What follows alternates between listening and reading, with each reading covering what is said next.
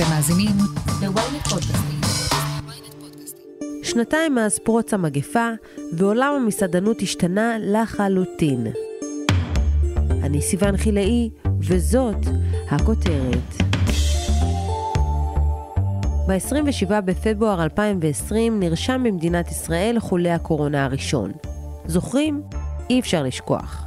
שנתיים אחרי, עם הפנים החוצה, רצינו לבדוק איך נראה העולם ביום שאחרי. לא באנו לחפש נוסטלגיה לרביצה מול נטפליקס של הגל הראשון, או למחיאות הכפיים במרפסות.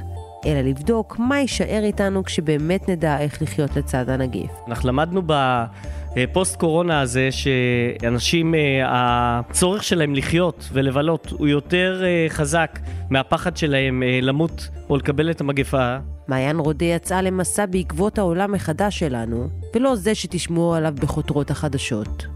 הפרק הראשון מוקדש לאחד התחומים שעברו הכי הרבה טלטלות בחיים שלנו בזמן המגפה, האוכל. הממשלה תאשר הערב תקנות לשעת חירום להגבלת התנועה. בהגבלות הללו אתם, אזרחי ישראל, נדרשים להישאר בבית. השבוע לפני שנתיים, ראש הממשלה דאז נתניהו כינס מסיבת עיתונאים בהולה. יחד עם שר הבריאות ליצמן, הוא הודיע שהוחלט לצמצם התקהלויות, לסגור את בתי הספר ואת מקומות הפנאי. איתם נסגרו גם כל המסעדות ודוכני המזון, במה שהיה הסנונית הראשונה של מה שלימים קראנו לו הסגר הראשון. כמה ימים לאחר מכן הוגבלה היציאה מהבית, והעולם כפי שהכרנו אותו, בלי שום טיפת קלישאה, השתנה לחלוטין. יש כאן שתי טעימות, שני טאפסים של מנה מקסיקנית ומנה יפנית שאנחנו, יפנית שאנחנו מגישים כאן ב, אה, במקום. המקסיק... כן, בהכל יש אבוקדו. איכשהו ככה, כשכולם אה, בישלו את עצמם למוות בסגר, אה, גם אני הייתי חלק. הכנתי לעצמי סביצ'ה בבית, אה, והכנתי כמות מאוד גדולה. פעם ראשונה שהכנתי סביצ'ה, אני, יש לי ידיים טובות עם אוכל. זאת נוי סירקוביץ', בת 32 מתל אביב. כשאתם ישבתם מיואשים בבית, היא חשבה על רעיון קצת אחר. וזהו, ואז הכנתי כמות נורא גדולה של סביצ'ה, ואמרתי, יאללה, אני אחלק קצת לשכנים, שיהנו, זה היה בפסח ב' או משהו שהיה סגר, וכולם נורא התלהבו, ומישהי אמרה לי, תקשיבי, זה טעים ברמה שהייתי קונה את זה. אמרתי, אוקיי, נדלקה נורה. נוי, שהוצאה לחל"ת ממסעדת הוטל מונטיפיורי שבה עבדה, הבינה שהיא עלתה על משהו. היא פרסמה בקרב השכנים שהיא עושה משלוחים חינם, העמיסה צידנית בסביצ'ה, ויומיים אחרי זה כבר היו לה 30 הזמנות. ואז שכנעתי את אה, שכן שלי שגר מתחתיי, שאנחנו גרים ברחוב מקביל לשוק הכרמל, לפתוח את הדלת של הבית שלו ולעשות דוכן pop-up בימי שישי. ובאמת ביום שהסגר הראשון נפתח, אנחנו פתחנו את הדלת שלו והשתרך תור ארוך, יש לי אפילו תמונה שאבא שלי נורא התרגש והוא צילם. ומאז זה היה מסורת, ימי שישי, אני עושה pop-up סביצ'ה ולאט לאט זה נהיה יותר ויותר מוכר. ונאלצתי במרכאות להביא עוד אה, עובדת והבאתי עוד אה, טבחית שתכין איתי את המנות. פתאום מכרנו איזה 160 מנות בשלוש שעות ביום שישי.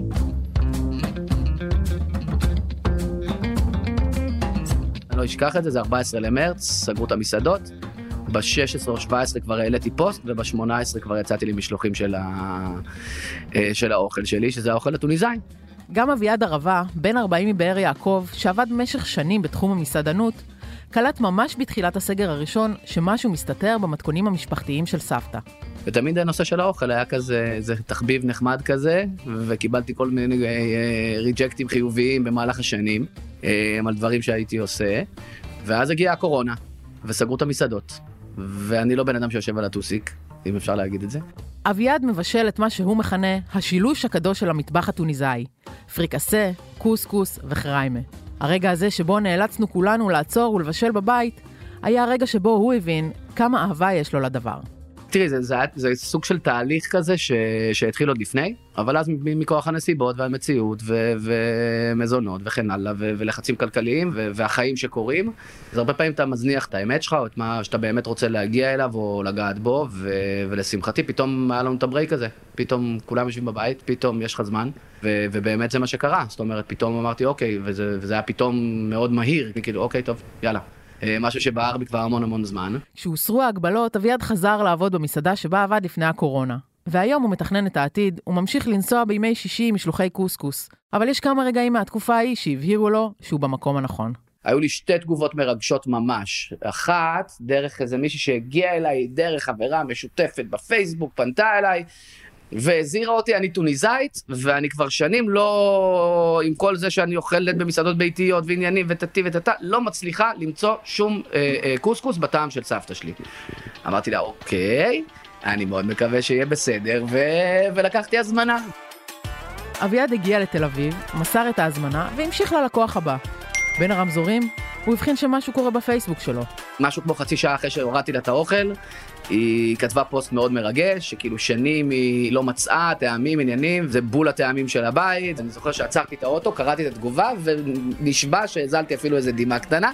בשביל זה אתה עושה את הדברים האלה, הרי לא בשביל הטפיחה על השכם, אלא בדיוק זה. זאת אומרת, הטעם שאני זוכר כילד, אליו רציתי להגיע ולהעביר אותו בעצם גם לכאלה שאין להם את היכולת לעשות את זה, או שכבר הסבתא לא בחיים. והתגובה השנייה הייתה, שזה היה כבר אה, בכלל אה, אה, פסיכי, אני יצאתי למשלוחים, והבני דודים שלי והאחים של אימא שלי הגיעו לארוחת צהריים אצל אימא שלי. אני תמיד עושה כמויות, אז נשאר, אז אימא שלי הזמינה אותם לצהריים, ומבחינתם הם יודעים שהיא בישלה. ואני מגיע תוך כדי שהם אוכלים ומפרקים שם את השולחן ונהנים מכל ביס וכן הלאה, ואז בן דוד שלי כזה אומר לאימא שלי, בוא נשבי, תקשיבי. עלית על סבתא בכמה וכמה דרגות. ואימא שלי ישר מתפקעת מצחוק, ואני כזה ככה גם כן כזה צוחק בצד. הוא אומר לי, די, נו, זה אתה? אמרתי לו, כן. הוא אומר לי, אתה בן זונה. מה זה? איך אתה, איך, איך הגעת לדבר? אז עכשיו זה, זה, זה בן דוד שכאילו גר ליד סבתא שלי כאילו צמוד לה לקורקבן כאילו וכל שבוע הוא אוכל את הקוסקוס שלה ואוכל את האוכל שאני הכנתי ואומר לי תקשיב זה כאילו זה רמה מעל.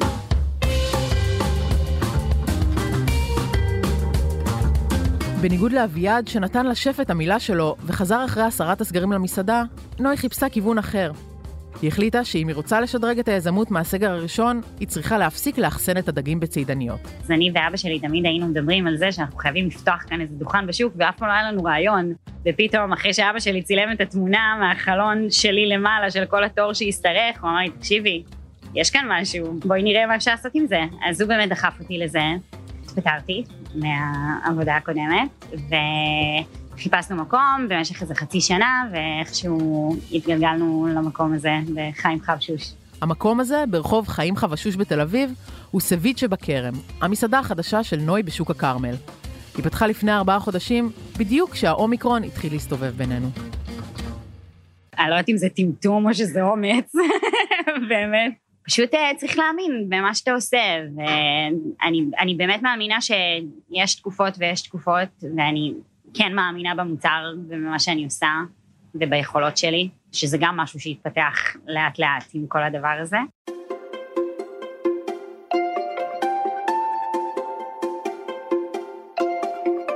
אנשים פשוט למדו לבשל. כל הבאז הזה שהיה סביב מסעדות ותוכניות בישול, פתאום בקורונה הכל התפרץ כמו הר געש, ואנשים התחילו לעשות גם דברים מאוד מסובכים, שצריך זמן וטיפול, כמו מחמצת. טיקי גולן, עורכת ערוץ האוכל בוויינט, בהחלט זוכרת את הרגע הזה שבו למדנו בעל כורחנו להתחיל לבשל.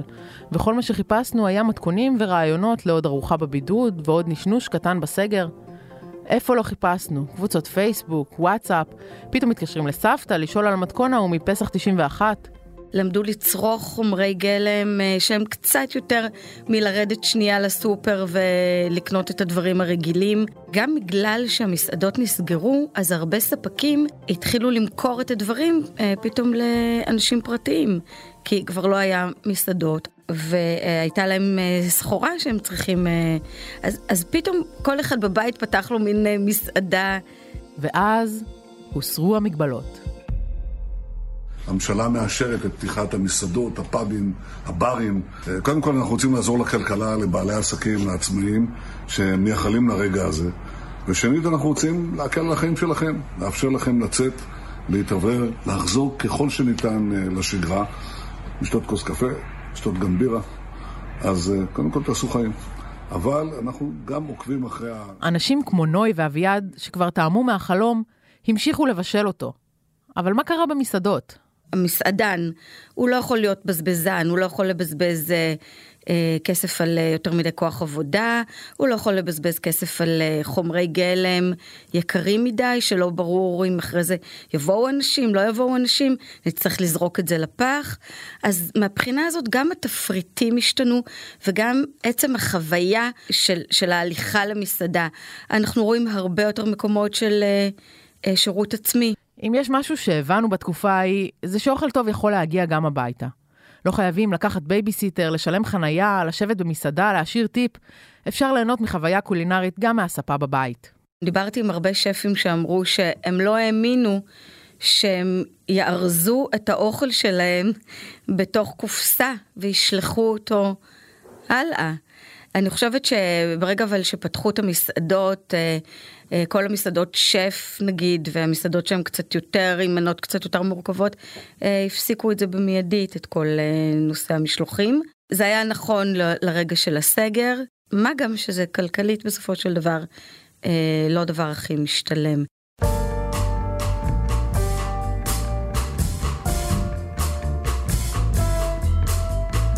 אני חושב שאני מהראשונים שהבינו, חזו והעריכו את זה. אז גם אנחנו דיברנו עם שף. יובל בן אריה, שף ובעלים של המסעדות טייזו, מיאזקי ו-A.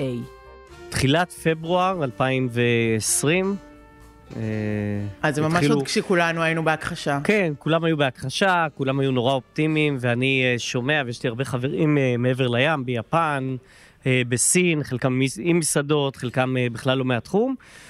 ומתחיל לשמוע על, ה, על הבהלה, על זה שאנשים הולכים לקנות אה, ניירות טואלט, על אה, שימורים, ואני, או בגלל שאני חרדתי, או אה, תוסיף לזה שאני בן של שני רופאים, היה ברור לי שקורה משהו גדול. היה ברור לי שזה ישטוף אותנו ובמידה ניכרת.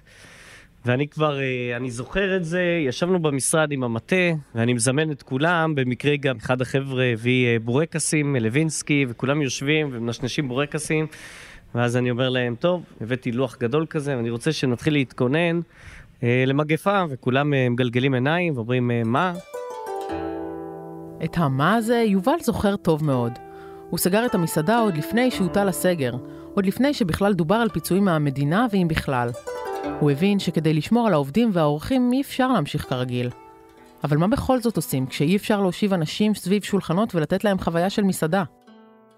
אז אני חושב שאחרי שבועיים או שלושה שהעניינים טיפה נרגעו, ואני הבנתי לגמרי שה... שהעסק הזה הוא פה ולהישאר הרבה זמן, אז uh, התחלתי לחשוב לעשות משלוחים.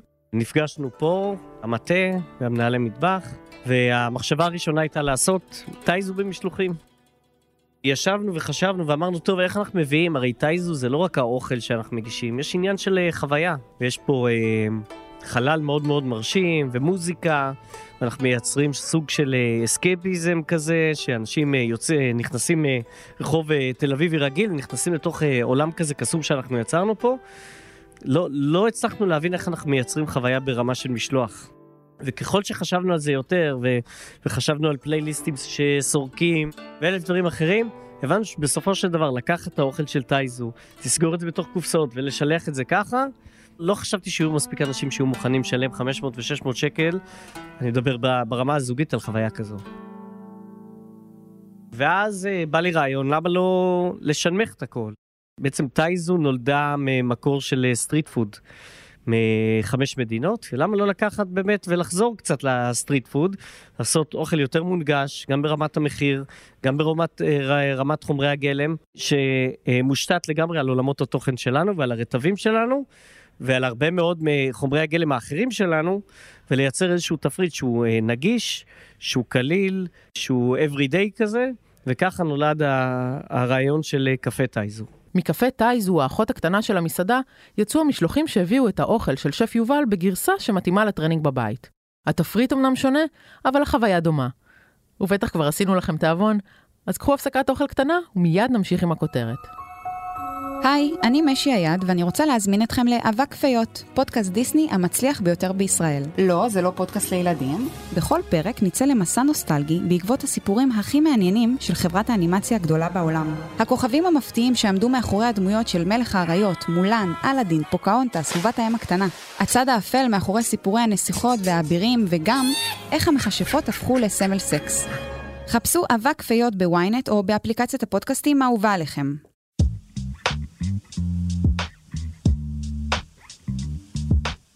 הקורונה שינתה דברים מאחורי הקלעים של עולם המסעדנות. זוכרים את הימים שרציתם רק לקנות קפה מתחת לבית, אבל אסור היה למכור לכם אותו בטייק אווי? או כשהבריחו לכם מנת צ'יפס לחניון סמוך למסעדה? ברגע שהמסעדות היו ריקות, היה צריך לחשוב מחדש. מטבחי רפאים זה משהו מאוד מעניין. הוא התעורר לתחייה, קודם כל מטבחי רפאים זה משהו שנולד אה, בחו"ל, בעיקר בניו יורק, איכשהו אימצו אותו עוד אה, מקומות. מטבח רפאים זה מטבח של מסעדה בלי מסעדה. מה זה אומר בעצם? טוב ששאלתם. זה אומר שזה מטבח שרק מוציא משלוחים, והרבה מסעדות נפתחו ככה עם מיתוג ועם יחסי ציבור, אבל אין באמת מסעדה כזאת. אז אני חושבת שזאת חיה שגם אה, אה, תמשיך הר, הרבה. מסעדה שקמה רק בשביל משלוחים. מבינים? הקורונה לימדה אותנו שאפשר, אם המציאות מחייבת, להסתדר גם בפחות. אמנם קשה, אבל מסעדנים מצאו דרכים להפחית בהוצאות. פחות מסעדות פומפוזיות והרבה יותר אוכל רחוב. האוכל הרחוב אה, מבחינה הזאת אה, קיבל אה, שדרוג רציני. אנשים משקיעים, מסעדנים משקיעים באוכל רחוב, בקונספטים, במיתוג, בעיצוב, כך שתקבלי חוויה ב-50-70 שקל, כאילו הלכת למסעדה. חוויה, אוכל רחוב... אני זוכרת ימים זה... שחוויה במסעדה עלתה 50-70 שקל, ואוכל רחוב עלה 20. אני זוכרת ימים שהיינו הולכים עם uh, חותלות בחורף. אתה יודע, דברים משתנים. קודם כל, היום כמעט ואין מסעדה חדשה שנפתחת, מבלי שהיא עשתה לעצמה איזשהו פורמט, שלא פרמטה איזה מקום במטבח, או לא משנה, היא הקציעה למשלוחים ולטק-אווי מקום. Uh, הרבה מסעדות שנפתחות היום גם נפתחות עם uh, מעדניה בפנים. זה אומר אוכל מוכן בקופסאות, שאת פשוט באה לוקחת ומחממת בבית, או אוכלת אם זה סלטים, או אם זה אוכל שהוא קצת יותר uh, מתוחכם, אז כן, יש בהרבה מסעדות מקרר כזה עם דברי מכולת מעדניה. במסעדת A של יובל אתם יכולים לשכוח מסלט במקרר, אבל גם ככה לא בטוח שתצליחו למצוא במקום. ואז באיזה שלב אתה אומר, אוקיי, אני מבין שזה העולם, אני בכל זאת פותח מסעדה חדשה, למרות שאי אפשר לדעת מה יהיה. חיכיתי, חיכיתי, חיכיתי, זאת אומרת, אה, שנה ומשהו אחרי קורונה, שהבנו שהדברים מתחילים להתייצב. זה לא בדיוק להתייצב, אז יש אה, גל אחד ועוד גל ועוד גל, אבל אנשים מתחילים להבין איך, את יודעת, בין הגלים מה, מה עושים ואיך רוכבים עליהם כמו, ש, כמו שצריך, והבנו שזה פה להישאר ועוד הרבה זמן.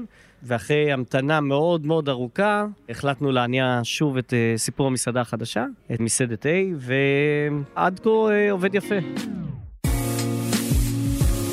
ואי אפשר בלי להזכיר את הבעיה הכי קשה שנותרה בימי הפוסט סגרים.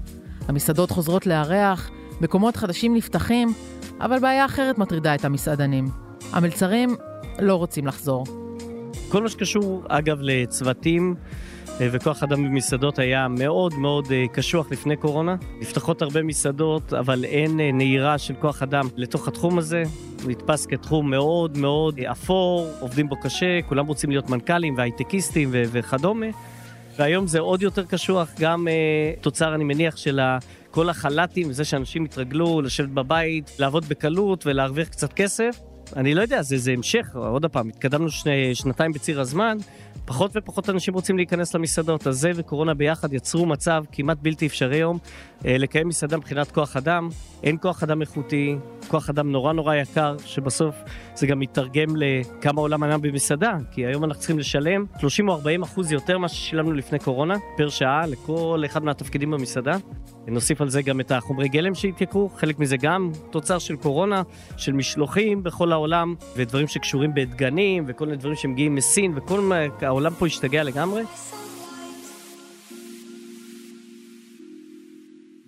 הרבה מסעדות לא מגישות ארוחת בוקר, לא מגישות ארוחת צהריים, ולו בשל העניין של העובדים. שזה משהו שאנחנו רואים לא רק במסעדות, אבל במיוחד בתחום הזה.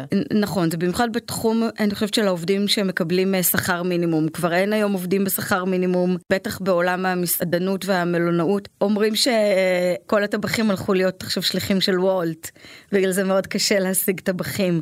הם עושים יותר כסף בתור שליח. ועדיין, אם את מנסה להזמין מקום במסעדה בתל אביב, את צריכה לחכות שבועות קדימה. נכון, אבל אה, שוב, זה פונקציה של חיסכון ושל כוח אדם. מגבילים בהרבה מסעדות, במיוחד במבוקשות, מגבילים את האופציה בכלל להזמין מקום, בגלל שרוצים לתת לך שירות שהוא יהיה סביר, ובשביל זה צריך מספר מסוים של עובדים. הכל קשור להכל בסופו של דבר.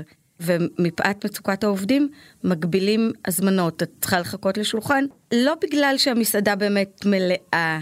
תראי, אולי למראית עין, כשאת עוברת ברחוב ואת רואה את המסעדות מלאות, את אומרת, יואו, מה הם בוכים? אבל אל, אל תשכחי שעכשיו חמישי בערב כשאת עוברת ליד המסעדה הזאת, וחמישי זה יום אה, שהוא יותר כזה של בילויים שאנשים אוהבים לצאת ולבלות, ומה עם ראשון, שני, שלישי, רביעי? ומה עם ערים שהם לא תל אביב? ומה עם ערים שהם לא תל אביב?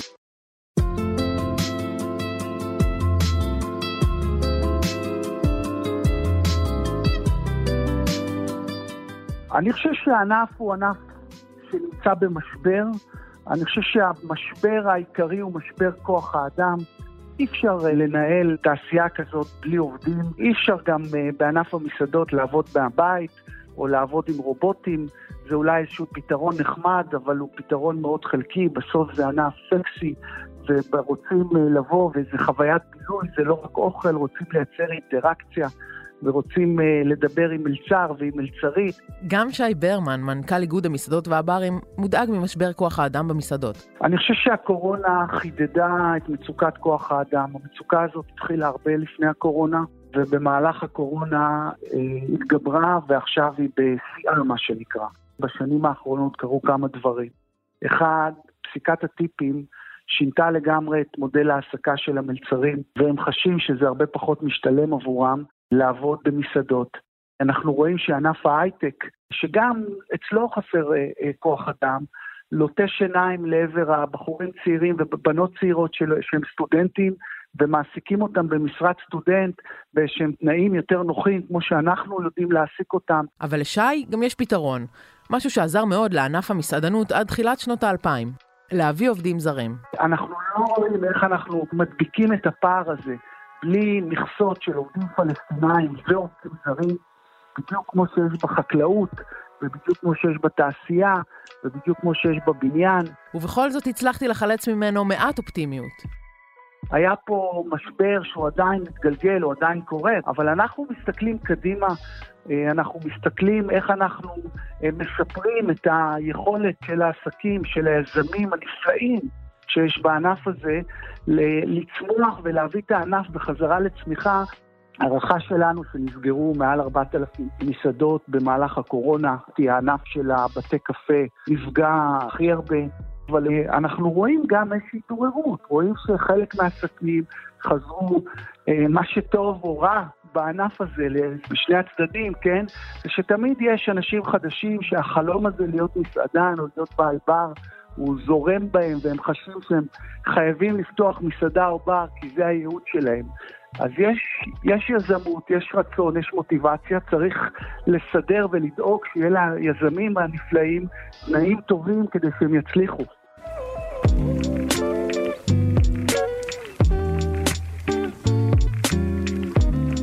כל הקשיים, הטלטלות וחוסר היציבות, פגשנו בפרק הזה שלושה אנשים שלא רק שרדו את הקורונה, אלא גם יצאו ממנה מצליחים. יובל בן אריה למשל, פתח את מסעדת A ולמד משהו על העולם. אני די אופטימי, אנחנו למדנו בפוסט קורונה הזה שאנשים, הצורך שלהם לחיות ולבלות הוא יותר חזק מהפחד שלהם למות או לקבל את המגפה, ובסופו של דבר אפשר לקלוא בן אדם לשלושה, ארבעה, חמישה חודשים, אבל הנה אנחנו רואים ששנתיים זה כבר too much. אני יודעת שהרבה אנשים, הקורונה עשתה להם לא טוב, בכלל, הרבה אנשים סגרו עסקים. אני שמעתי באמת הרבה סיפורים נורא נורא מצערים ו... ומדכאים, אבל uh, אני... אני פרחתי בקורונה. לנוי זה הסתדר, ואביעד, הוא מאמין שהצניעות שהקורונה הביאה לעולם עשתה לו רק טוב. נחמה קטנה, אחרי כל הווריאנטים וההגבלות.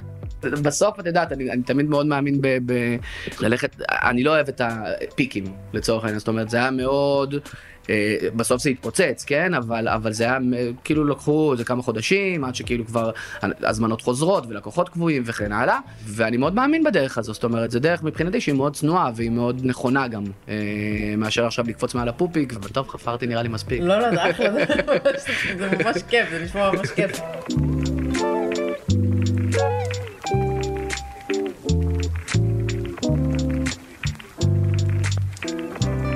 עד כאן הכותרת להפעם. בעוד שבועיים תוכלו לשמוע את הפרק השני בסדרת המגזין שלנו, שבודקת איך נראה העולם שנתיים אחרי החולה הראשון.